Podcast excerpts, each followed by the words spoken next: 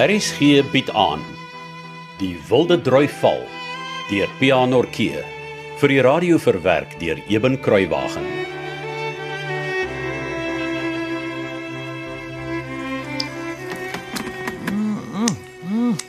Man, dit was nou ver by lekker verby. Hm. Ek het nooit gedink toe jy ons die twee snye grove brood en varkwit uit die spensmaak steel het. Ons gaan so lekker hier op ons beddens kom sit en eet nie. Ja nee jong. Jy kan nie sê jy het al heuning geëet as jy nog nie heuning uit Hoekplaas se kwaggas kloof gebrood het. Hierdie kop, jy het nou wel gemaak dat my kakebeen amper uit sy potjies gemoker geraak het, maar 'n groter persent kon jy ons so waardig gegee het. en dit is so waar as wat ek en jy weet ons het Vrydag aand geboks. Maskas. Ek vergewe hom sommer vir al die kere wat hy wou hê jy moet die Engelsman platslat en dan weer in sy maai slat. Ja nee, ek weet nie waar hy aan die Engelsman deel gekom nie. Seker maar die naam wat vir hom bietjie vreemd was. Seker. Ja, fooi tog. Ek wonder waar loop hy nou vir die span donkies. Of miskien maak hy 'n klein Fanie dan beter. Hoop so. En as jy nou so stil na die vloer sit en kyk, Ja. Ek dink maar net. waaraan? Ag, sommer baie goed. Soos Dit was lekker om my maale weer te sien, maar nou weet ek nie wanneer ek hulle weer sal sien nie. Dis vandag die 30ste April, né? ja, tot middernag te hoor ek. Ha. So dis omtrent nog 7 8 weke tot die skool weer sluit hier teen 20 Junie se kant, reg? Ek weet nie. Dit was jou sommetjie daardie. My kop is nou heeltemal te vol heuning gedagtes om aan sulke goed te probeer dink. My pa sal nie tussen nou en die wintervakansie weer die kant toe kom nie. En dalk gaan iemand op 'n dag na hulle kant toe. Dan kan jy mos probeer saam met hulle of iets. Is daar nie transportryds wat soontoe ry nie? Ek seker daar is. Ja, is seker. Maar hulle waans is baie keer so vol gelaai, daar's nie eens plek vir 'n dooie sonbesie nie. Of hulle ry net in die week of is iemand saam met wie jy nie eers begrawe wil word nie. Hmm, en daar val die duif vrek op die grond. Né? Nee, ek sê maar net ek kan nou enige plan met 'n transportryer in vir jou gee en jy sal 'n verskoning kry hoekom dit nie kan werk nie. Ja, maar het jy gesien hoe lyk party van hulle? Ek sal nie eers hulle met 'n vee dief se skade weer vertrou nie. Wat is dit? Jy klink of jy 'n hele bottel mampoer net so sleep jou tong. Daar's 'n tamaai sak onder jou linker oog en jou boelop is so dik soos my oupa se voorarm.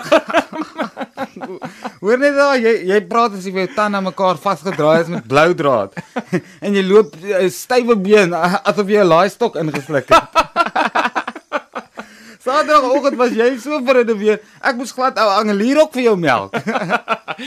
Ons is nou soos om Hendrik vertel het in die boereoorlog was daar 'n ou oomie vir wie hy met kos gehelp het. Huh? En toe om Hendrik hom vra hoe dit gaan, toe sê hy nee, net lig gesneuwel. ja, dit is nogal presies hoe ek voel. Lig gesneuwel. maar ek's baie bly ons het die kans gehad om te boks in die konsert. Hoekom is jy bly? Want ek dink ons is nou nog beter vriende as voor die konsert.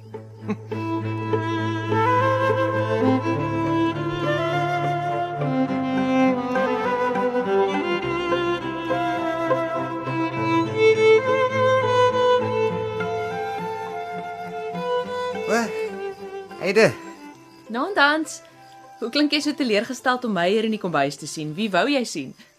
Nee, ekskuus. Uh, ek's nie teleurgesteld nie. Ek is eintlik verras. Ek het gedog ek gaan jou ma nie kom byskry. O, moet ek haar gaan soek? Nee, nee, is nie nodig nie. Ek het maar net hierdie bottel heuning gebring om vir haar te gee om vir ons te bære. O, waar kry jy dit? By my ou maat van Hoekplaas. Kirikop. Die ouetjie wat so graag wou hê jy moes Robert wen. ja, sy. Wanneer het hy dit vir jou gegee? Uh, vanmiddag na hy en Koos hulle opgepak het. Hy.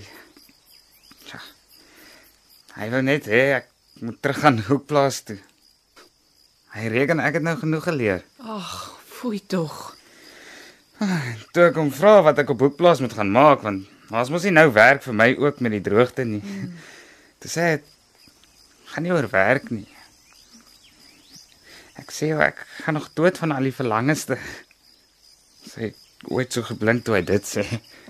Jy's gelukkig om so 'n goeie vriend te hê, weet jy? Ja, ek is. Toe vra hy of hy nie maar hier kan bly nie. Wat sê jy toe vir hom? Wat kon ek sê sonder om hom seer te maak? Ai. Toe draai om en hardloop na die water om die bottel heuning te gaan haal. Hy het dit groot donderdag aand in die kwaggas kloof vir my gaan uithaal. Toe gee hy dit vir my. Foei tog Hans. Toe sê hy: "Dis my persent vir jou. Jy moet dit alleen opeet." Ag, die liewe liewe siel. Toe ek hom vra hoekom hy gewag het tot hulle ry om die heuning vir my te gee. Toe sê hy dis vir wanneer hy vanaand by Verlore rivier voor die waal met die tou stap.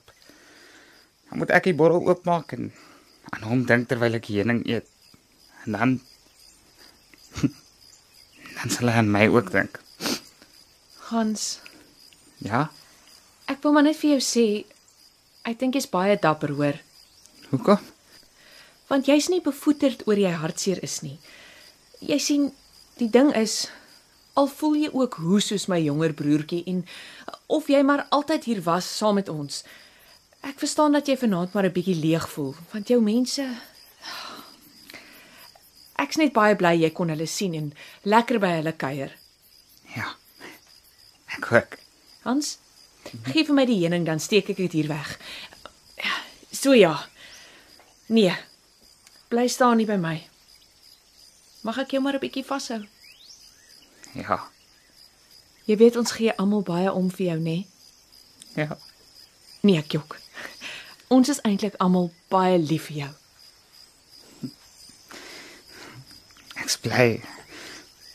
Ek's nog 'n bietjie lief vir julle almal op. Tot vir ou Robert wat my so flinters geslaan het. Luister, ek weet nie wanneer gaan daardie apteker en uitenaag uiteindelik van hom laat hoor nie. Maar terwyl ek nog hier is, wil ek hê jy moet weet jy kan enige tyd met my kom praat as jy huis toe verlang. Hoor jy? Ja. Eide, kan ek vir jou iets vra? Natuurlik. Vanmiddag met die biduur vir die reën.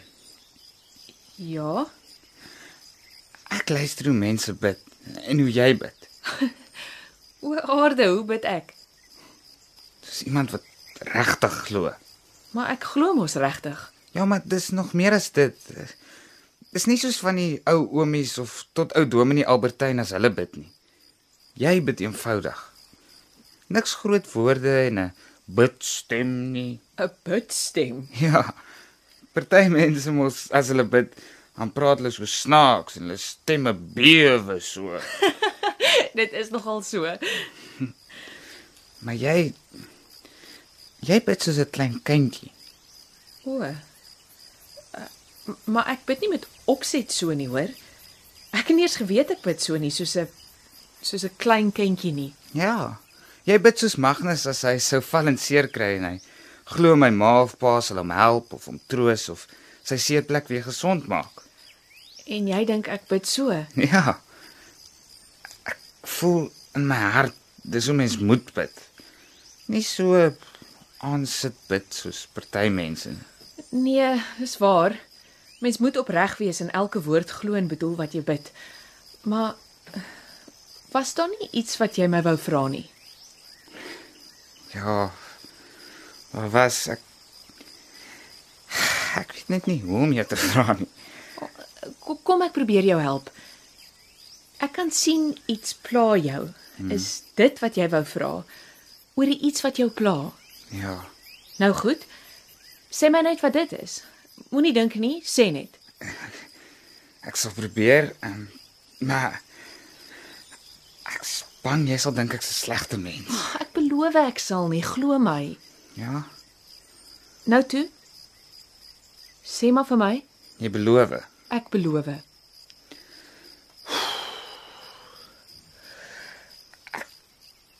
Ek voel die Here hoor my nie as ek bid nie. Dit voel vir my net so simpel leë ou woorde wat nie eers tot by die plafon van die kamer kan kom nie. Maar as jy bid, weet ek hy hoor elke liewe woord wat jy bid. En ek wil weet wat ek moet doen om ook so te kan bid, om om nie soos 'n heigelaar te voel terwyl ek bid nie. En as ek klaar gebid het, nie te voel of ek net met myself gepraat het nie.